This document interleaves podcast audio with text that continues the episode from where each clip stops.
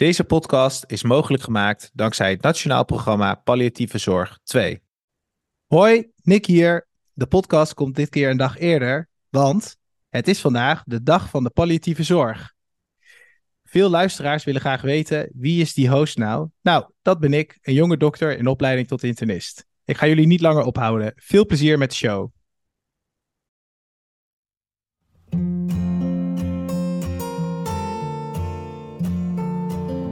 Beste luisteraars, vandaag weer een nieuwe aflevering van de Carent Podcast.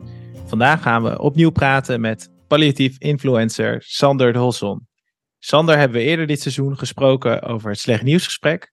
En vandaag gaan we het hebben over de stervensfase, waar Sander om bekend staat met zijn rakende columns. Dus Sander, welkom. Ja, hallo. Ja, mogen je inmiddels alweer vaste gast noemen van de podcast? Nou ja, uh, driemaal scheepsrecht, dus nog niet helemaal. Dit is de tweede keer.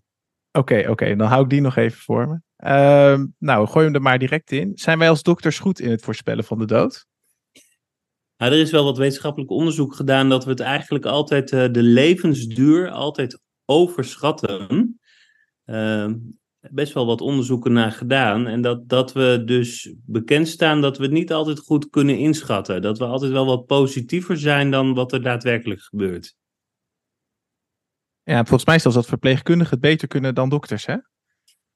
Uh, ja, bewijs is anekdotisch, maar ik ben het daar zelf eigenlijk wel mee eens. Ik moet zeggen, de verpleegkundigen zijn ook wel mijn sensoren op de afdeling. En ik kan me nog heel goed herinneren dat ik ooit uh, um, op de afdeling kwam, had ik, leerde ik zuster Annie kennen. Zuster Annie was echt zo'n hele oude, nou bijna hoofdverpleegkundige, is wel 15, 20 jaar geleden hoor. En um, op een gegeven moment, ik denk bij een van mijn eerste patiënten, um, ging ik uh, visite lopen. Was een mevrouw met longkanker die slecht was, dat wisten we ook wel. En uh, ik liep bij haar langs. Ik dacht, nou, het is best wel een goede dag eigenlijk. Ze, ze, ze, zag er eigenlijk best wel goed uit. En de controles waren ook wel goed. En uh, ik denk een uur later belde zuster Annie van, ja, ik ga toch nog maar eens een keertje kijken. Dus ik weer kijken en ik dacht, nou, er is eigenlijk niet zoveel veranderd. En toen zei zuster Annie, ik heb de familie al gebeld. En ik, ik, nou ja, ik dacht, nou, ik, volgens mij kreeg ik ook een beetje ruzie met zuster Annie. En, um, en ze zei ook, jij mag maar geen zuster meer noemen, ik ben gewoon verpleegkundige. Uh, het was wel een teken aan de wand hoor. Um, uh, en maar uh, echt een uur later ging die mevrouw echt heel snel achteruit. En het was maar goed dat Annie de, de, de, de, familie gebeld had, want die mevrouw ging echt sterven. En, en dat, ja, wat is dat dan hè? Ja, ik, ik, later sprak ik ook. Ik, ben een jaar lang gedrild door zuster Arnie. En ik mocht haar gelukkig op het einde ook zuster noemen. Want ze zag dat, uh, dat ik palliatieve zorg uh, heel erg interessant vond. Maar ik heb haar ook gevraagd. Hoe, ik, ik, ik heb zo graag van jou geleerd wat je nou zag aan die mevrouw. En toen zei ze: Weet je, dat is ook ervaring. En dat is ook wel intuïtie. En dat ga je opbouwen als zorgverlener. Dat leer je wel kennen. En, en die ja, maar met die termen, die termen kunnen de luisteraars natuurlijk ook helemaal niet. Dus kan, nee, kan je toch nee, een beetje concreet maken voor ons? Nee, maar dit, dit is dus al een, een, een deel van het antwoord. Hè? Hoe zie je nou dat iemand gaat sterven? Dat is ook ervaring en dat is ook intuïtie en dat is ook um, uh, dat leren. Maar er zijn heel veel kenmerken van sterven en dat is denk ik wel uh, belangrijk. En daar wil ik jullie best uh, in meenemen. Mm -hmm. Ga je gang. Kijk, een, van de meest klassieke kenmerken van iemand die gaat overlijden, en dat is bijna bij iedereen zo, dat is dat mensen stoppen met, eerst met eten. Je ziet dat de eetlust wegvalt en, en later ook uh, de dorst, de dorstprikkel zal weg gaan vallen. Dat is niet bij iedereen zo, maar je ziet dat, uh, ja, we noemen dat het anorexie-cachexie-syndroom. Je ziet dat mensen uh, niet meer gaan eten en drinken. Dat is een heel klassiek kenmerk van uh, de stervensfase, eigenlijk de eerste. En het tweede is dat mensen echt bedgebonden raken, eigenlijk de hele dag in bed gaan liggen. Nogmaals, dat, is niet, dat geldt niet voor iedereen zo. Hè, maar je ziet dat die twee kenmerken de vroege kenmerken van de stervensfase zijn. En uh, later zie je dat um, doordat er allerlei processen in, in het lichaam plaatsvinden, pathofysiologische processen, Um, er komen stofjes vrij door de ziekte uh, die patiënten hebben. En uh, wij weten vrij zeker dat de cardiac output omlaag gaat. Dus de hoeveelheid, het slagvolume, um, hoeveelheid bloed wat het hart uitstoot. En dat is natuurlijk al bij een gevorderde stervensfase. En dan zie je er allerlei kenmerken van sterven ontstaan. En die zijn voor mensen vaak veel bekender. Dat is dat um, uh, je, de, de kleur van je lichaam verandert. Je wordt bleker, je wordt grauwer. Um, en op de uh, extremiteiten, de benen, de armen, ontstaan vaak circulatievlekken. dus paarsblauwe verkleuringen. Nou, heel typisch kenmerkend voor uh, de stervensfase. Het zijn circulatievlekken, dus je ziet het ook wel bij mensen met vasculaire problemen, met vaatproblemen. En wat ook een heel typisch kenmerk is van die fase, is dat de urineproductie gaat afnemen. Mensen drinken natuurlijk ook minder. maar dat is, dat is het niet alleen. Je ziet door die door die verlaging van de cardiac output dat mensen echt minder gaan plassen en soms helemaal stoppen met plassen. Precies, dus, dus het is niet één ding. Hè? Het zijn allemaal, je noemt nu al een stuk of tien verschillende kenmerken die ja. allemaal afgaat. het is een, uh, het is een optelsom van, van heel veel kenmerken. Maar wat het intrigerende is, en we noemen dit de final common pathway. We zien dit proces um, eigenlijk bij iedere stervende iedereen doorloopt eigenlijk, onafhankelijk van wat de oorzaak is van het sterven, iedereen doorloopt diezelfde, nou ik wil niet fases noemen, maar diezelfde typische kenmerken treden eigenlijk bij, uh, bij iedere stervensfase op. Wat denk ik ook echt wel een heel intrigerend kenmerk is van wat mensen krijgen, is dat ze suffer worden. Dat is een, eigenlijk een van de meest voorkomende uh, kenmerken van de stervensfase. En we weten dat op de dag van overlijden dat driekwart van de mensen niet meer aanspreekbaar is. Die is suf, we noemen dat stupereus of somnolent, maar die zijn gewoon verminderd aanspreekbaar. Dat is voor de familie wel een heel belangrijk gegeven, omdat um, je kan niet goed, vaak niet goed meer afscheid nemen op die laatste dag. En daarom, en je kan, ja, daarom zeg ik ook altijd tegen die familieleden, je moet nu afscheid nemen. Ook al denk je van, nou, dat is echt te vroeg en dat kan misschien vanavond of morgen nog een keer. Maar zeg nu wat belangrijk is. Dat is denk ik uh, de belangrijkste boodschap. Sufheid is een heel typisch, een heel belangrijk kenmerk. En wat eraan gekoppeld is, is ook wel, en dat herkennen mensen ook wel, dat is die holle blik die mensen krijgen, de fascis hippocratica. Het lijkt soms wel alsof mensen gewoon door je heen kijken. Uh, alsof hun, ja, hun, ja een, een, soort glazige blik krijgen ze. Precies. En, uh, die vast, dat is fascinatica, ja. Ja, en als, uh, als je dit dan herkent, hè, zeker het begin, het minder eten en drinken, hoe ga je dat gesprek dan aan als de patiënt nog wel bij bewustzijn is?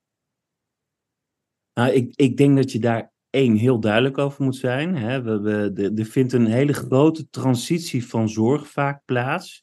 Vaak voor die stervensfase is er toch nog wel het een en ander geprobeerd, vaak. En wat een bekende uitlokker van sterven is, is toch de longontsteking. En mensen hebben een uitgezaaide vorm van kanker. En dan, en dan gebeurt er natuurlijk iets. En mensen verslechteren, vaak door een slechtere intake. Um, ze, ze, krijgen eiwittekorten. En dat is, hè, die weerstand neemt af. En dat is va vaak is de inleiding van een stervensfase ook wel een longontsteking of een andere infectie. En dan wordt er nog wel eens antibiotica gegeven, maar dan zien we ook regelmatig van, ja, dit gaat gewoon niet meer werken. En dat is het moment dat er een grote transitie gaat plaatsvinden. Hè, van, uh, van zorg hè, met antibiotica, van actieve vorm van zorg, naar een toch een veel passievere vorm van zorg. En dat wordt vaak ingeleid door een goed gesprek tussen de arts, de zorgverlener en de patiënt en, en hun naasten. Van het gaat niet goed komen, u gaat overlijden. En een van die kenmerken van die Final Common Pathway die ik net noemde, is dat het onomkeerbaar is. Dat het niet meer terug te draaien is. Dat je wel, soms heb ik familieleden die zeggen, ja, we moeten echt doorgaan met voeden. En ja, weet je, en dan weet je ook als zorgverlener, ja, maar het is onomkeerbaar. En um, patiënten die um, eten niet meer omdat ze gaan sterven. Het is niet meer dat ze sterven omdat ze niet meer eten. Ze eten niet meer omdat ze sterven. En dat is een heel belangrijk nuanceverschil die je mensen heel duidelijk moet maken. En wat ik geleerd heb in dat gesprek is volstrekte duidelijkheid. En ook zeggen van hé, hey, we blijven jullie helpen, ook nu die stervensfase uh, plaatsvindt. En hoe doe je dat dan, die volstrekte duidelijkheid? Geen, geen onduidelijkheid of hoop dat het misschien nog goed komt, om welke reden dan ook. Hè. Met name rond voeding en rond vocht is dat denk ik heel erg belangrijk. Volstrekte duidelijkheid helpt. Uh, wat, wat, wat, wat, je net, wat je net zegt, hè, is dat er vaak best wel veel twijfel. Uh, nou, tenminste, het is best moeilijk om het goed te kunnen zien. Of iemand uh, komt. Ik kan me voorstellen dat je zelf twijfelt. Van hè, is deze persoon echt aan het overlijden? Of is er nog hoop? Dat, ja. Hoe, ja. Nou ja, ik twijfel soms ook. Maar dan weet ik een uur later dat die twijfel misschien onterecht was. Want je ziet dat zo'n proces is, is in de tijd natuurlijk progressief. Hè, dus als je Precies. twijfelt, hè, als je klinische blik hapert om het zo maar te zeggen. Als je denkt van nou misschien uh, kunnen we toch nog een kans geven. Uh, maar een uur of een paar uur later kan die situatie veel duidelijker worden. En dan is die twijfel ook weg. Weet je, die, die, die, dat moment en die fase van twijfel mag er ook best zijn. Maar ik zou altijd heel eerlijk zijn. Hè? Het gaat vaak met deze mensen heel slecht. Um, ja, dus uh, duidelijk zijn, denk ik. Precies, precies. En dan zeg je, dan volgt een goed gesprek. Ik neem aan dat je dan ook het een en ander uitlegt over wat te verwachten is. Ja, nou ja, ik, een van de meest moeilijke dingen die we kunnen voorspellen is de tijdsduur. We weten uit onderzoeken dat de gemiddelde stervensfase en vanaf dit moment duurt ongeveer 72 uur. Dus gemiddeld drie dagen duurt zo'n sterfbed. Bij sommige mensen is dat een half uur en bij andere mensen kan het ook zeven. En, ik heb ook wel eens tien dagen meegemaakt. Dus wat ik vaak ook wel zeg in dit gesprek is van ja, het kan echt, het kan duren. En de natuur neemt nu de regie over, of God zo u wil. Hè, maar we moeten daar als mensen ook uh, ja, uh, rust mee hebben. Want je ziet dat met name familieleden, ja, die zeggen van ja, maar hè, dokter heeft u ook gezien hoe die erbij ligt. Uh, dit, dit, had, dit had hij of zij echt niet zo gewild. En dan denk ik, ja nee, ik, ik zie een comfortabel sterfbed. Dat is mijn grote doel hè, als, als zorgverlener op dat moment.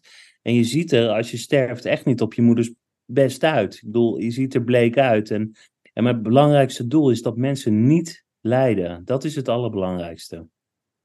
Precies, precies. En kan je ook nog wat vertellen over de ademhaling? Die gaat veranderen? Ja, je ziet in die fijne common pathway dat er natuurlijk zuurstoftekort optreedt. Eigenlijk in het hele lichaam. En het hart krijgt minder zuurstof.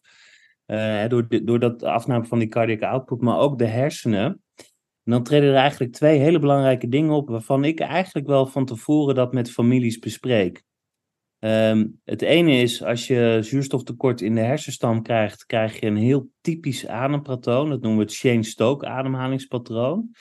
En je ziet dat er adempauzes optreden. Centrale apneus, er treden adempauzes op, die kunnen 7 seconden duren, maar die kunnen soms ook wel 30, 40, 40 seconden duren.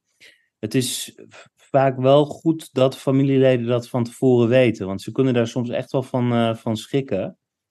Dat is het ene symptoom wat ik. Ja, en die uh, kunnen ook heel lang duren, hè? Die kunnen echt een aantal ja, seconden dat je denkt, oh, iemand is nu het, overleden en dan toch ineens ja, gaat het 30, weer door. 40 seconden en de hele, de hele kamer denkt van, nou, nu is het gebeurd. En dan komt er toch weer een hap. Um, ja, en dan zie je vaak even een versnelde ademhaling. Maar ja, dat is echt een heel karakteristiek patroon van ademhalen voor de stervende. Ja. Um, dat is het ene symptoom van uh, zuurstoftekort in de, uh, in de hersenstam. En een andere symptoom is dat je reflexen gaan afnemen. En dat is met name de hoest- en de slikreflex, die zijn van belang. En je kan het slijm dus achter in je keel niet meer goed wegslikken of niet meer goed weghoesten. Je bent natuurlijk vaak ook suffer. Dat slijm hoopt zich op en dan krijg je een heel ook weer een heel klassiek symptoom van sterven, dat is reutelen. Uh, en een soort gorgelend geluid die afhangt van de ademhaling en die met name voor naasten heel vervelend is. En er is uh, geen wetenschappelijk bewijs geleverd, en misschien valt het ook wel nooit te leveren, dat uh, stervenden daar last van hebben. En wat we vrij zeker weten is dat mensen niet stikken. Ja, maar soms denken familieleden wel van, oh, nu gaat mijn geliefde stikken, maar dat gebeurt dus niet. Dus de beste behandeling van reutelen is, hey, je kan zijligging proberen, maar de allerbeste behandeling van reutelen is koffie. Voor de familie. Moet je heel goed onthouden, Nick. Ja. Je moet de familie ja. begeleiden bij reutelen. Precies. En ook uitleggen dat het kan komen, geeft natuurlijk ook al een gedeeltelijk rust. Hè? Dat, uh, dat ze niet schrikken van zo'n moment. Precies. En, ja. en eigenlijk, en, en, daar komen we misschien breder, uh, breder bij, de allerbelangrijkste behandeling van een goed sterfbed. En los van goede begeleiding van, uh, van de patiënt en aandacht voor mondklachten, wat veel voorkomt. En, en, misschien benauwdheid of pijn. Hè, maar de allerbelangrijkste behandeling is goede begeleiding van de naaste. Want we weten ook uit onderzoek dat vier op de tien mensen die naast een sterfbed zit nog nooit een stervende heeft gezien. Voor hun is echt alles nieuw. Um, dat is één. En twee, als je wel ervaren bent met een sterfbed, is het onwijs fijn. En ik heb dat zelf mogen meemaken, zowel bij het overlijden van mijn moeder als bij het overlijden van mijn vader. Uh, hoe fijn het is dat gewoon iemand je aan de hand neemt en gewoon nog even zegt van, hey, dit gaat er gebeuren. Dit is belangrijk, dit kan je zien. Um, want, Zelfs want, met ja, al je ervaring? Was ja, ja, ja, ja, ja, ik heb er echt heel veel aan gehad. En ik kijk op, op dat moment ook onwijs fijn terug, om het zo maar te zeggen. En ook dat ik er echt totaal naast kan zitten. Hè? Want ik weet nog heel goed, mijn vader ging overlijden. Uh, dat wist ik bijna zeker, want hij kreeg Shane Stoke ademhaling. Hij kreeg dat typische adempatroon. Het was wel duidelijk dat, hij, dat zijn sterfbed begonnen was. Dus mijn familieleden die keken natuurlijk uh, naar mij van, hey, uh, hoe lang duurt het nog? Uiteraard wordt die vraag gesteld. Mm-hmm. En ik, had, ik had een wetenschappelijk onderzoek erbij en dan kon je zien van, hey, als dat symptoom optreedt, dan duurt het ongeveer zo lang nog. Dus ik zei, kijk maar hier op de, in dit onderzoek, het duurt nog één, één anderhalf, twee dagen. En dus wij hebben daar met de hele familie, zijn we naast zijn bed gaan liggen. De hele nacht bij hem gelegen. Het was overigens onwijs gezellig. We hadden een goede fles wijn uh, uitgekozen. We waren in slaap gevallen en de volgende ochtend uh, werden wij wakker. En toen lag hij nog gewoon rustig de Shane Stoker ademhalen. En toen kwam de verpleegkundige en zei: Jongens, dit gaat nog echt wel een tijd duren hoor. En weet je hoe lang hij nog geleefd heeft daarna? Nou? Nog zeven dagen. Oeh, zo. Ja. Dus ja. iedereen denkt, ieder, misschien denken mensen van, oh, Sander Dossen heeft verstand van palliatieve zorg. Maar mijn familie die uh, denkt dat dus niet meer, uh, dat ik daar verstand van heb. Dus, uh... ja, en dat vraagt natuurlijk wel wat als het zo lang duurt, zo'n sterfbed. Want blijf je de hele tijd naast iemand, ga je naar huis. Ja, nou weet je, vroeger toen ik een jonge zorgverlener was, vond ik echt het hoogste goed dat mensen er echt bij moesten zijn. Ja, dat willen mensen vaak ook wel, maar soms ook niet. En wat ik vooral geleerd heb, is dat soms mensen vertrekken uh, op het moment dat er echt net iemand niet is. Hè, toch even de echtgenote die naar de wc is en precies op dat moment gebeurt is. Dat gebeurt echt wel heel vaak. Dus ik, ja, ik, en ik bedoel, ook daar is geen onderzoek naar te doen. En misschien mogen we die mysteries gewoon laten bestaan waarom dat gebeurt. Maar soms vertrekken mensen als ze net even alleen zijn. En dat is denk ik ook wel belangrijk. Ja, dat iemand zelf zijn tijd kiest. Exact. Ja. En kan je wat vertellen over hè, wat, uh, wat jullie extra aanbieden aan de naasten? Want onder andere heb ik het koppelbed een uh, keer voorbij zien komen. Jullie hebben ook een waakband. Ja, nou, ik, ik, en ik denk dat dat echt heel goed is en heel belangrijk kan zijn. Dat kan mensen echt verder helpen. Die waakmand uh, is heel simpel voor een zorginstelling, ook voor een thuiszorgorganisatie, om die te maken. Een beetje analoog aan de kraammand. En in, in de goede waakmand zitten boeken met informatie. Uh, zitten gedichtenbundels. Soms doen zorginstellingen een radio erbij met uh, mooie muziek. Um, we hadden in het verpleeghuis hadden wij, kregen we telefoonkabeltjes. Want iedereen was acuut gekwest van het gaat nu mis. En we willen graag. Weet je, je telefoon is s'avonds op. Althans, mijn telefoon is s'avonds op. En dan is het heel fijn om een, om een uh, telefoonkabeltje te hebben om de boel even op te laden. Weet je? Ik vond dat zo ontzettend slim uh, over nagedacht. En er zaten ook kaarsen in en pepermuntjes en tekenboekjes en boekjes over de dood voor kinderen. Hè, dan kon, kon je kinderen eh, helpen om te vertellen wat hier nou eigenlijk gebeurde. Ja, dat vind ik wel onwijs zinnig, een waakmand. In de meeste ziekenhuizen op de afdelingen zijn ze. Uh, en iets anders wat heel erg opgekomen is in 2018, 2019 is het koppelbed. Ik denk dat de meeste ziekenhuizen er wel één, twee of misschien wel meer hebben staan. Dat is een uh, bed met een uh, speciaal frame waarbij de ma matras een beetje overhelt. En waardoor mensen, waardoor je van een ziekenhuisbed met al die rare stangen en dergelijke, die kan je eigenlijk omturnen naar een tweepersoonsbed. En de eerste keer dat ik het inzette, en ik weet het nog heel erg goed, want ik dacht, oh jee, wat, wat gaat er gebeuren? Was een oude mevrouw en een oude meneer. Ze waren 60 jaar bij elkaar. En ze gingen in dat, ehm, in dat bed slapen. En ik zie nog die nachtjapon van die, van die oude vrouw. Was, was echt een prachtig gezicht. Want ze gingen lepeltje, lepeltje slapen. En, en ik weet nog heel goed dat de verpleegkundige in het dossier schreef: van ik heb even om het hoekje gekeken en daar lagen ze met z'n tweeën. Lepeltje, lepeltje. Hij was aan het sterven en zij lag tegen hem aan te slapen. En dat was echt een heel mooi gezicht. Dus ook op dat moment konden ze nog bij elkaar zijn. Dat koppelbed is voor mij de uitvinding van de eeuw. Ik vind dat het overal beschikbaar zou moeten zijn, omdat dit, denk ik wel, de essentie ook vormt van goed overlijden. En laten we stoppen met mensen echt uh, alleen in een bedje te liggen. En laten we ook dit moment juist, als de familie dat wil, als de naaste dat wil, juist de mogelijkheid bieden om toch dicht bij elkaar te zijn op dat moment. Wauw, mooi zeg. Ja. Maar ook alweer, ik kan me ook voorstellen dat het toch ook alweer een. Uh, je moet het wel even aftasten of iemand zoiets dat juist wel ziet zitten of juist niet ziet zitten. Nou, kan je dus toch gewoon vragen. Kan je gewoon vragen. Ja. ja. Als, als iemand dat niet ziet zitten, dan, uh, dan, dan niet. Nee. Nee. mooi.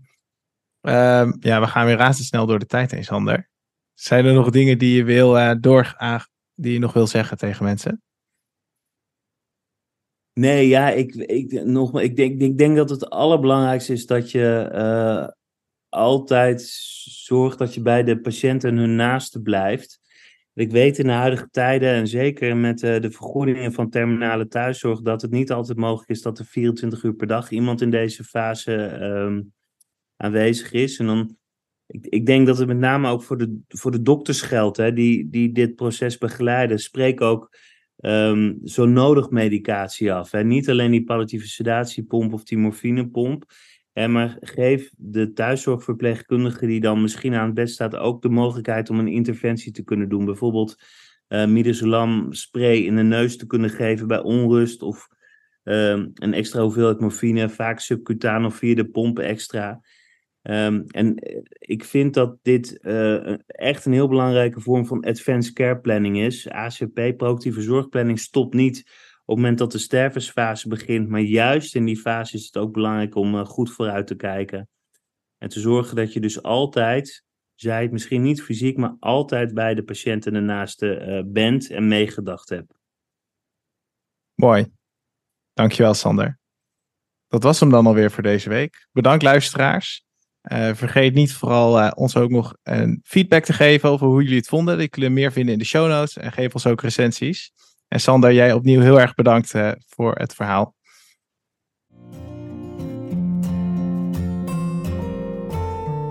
Bedankt voor het luisteren van deze aflevering. Ben je geïnteresseerd? Volg ons op onze sociale media of ga naar current.nl voor meer informatie.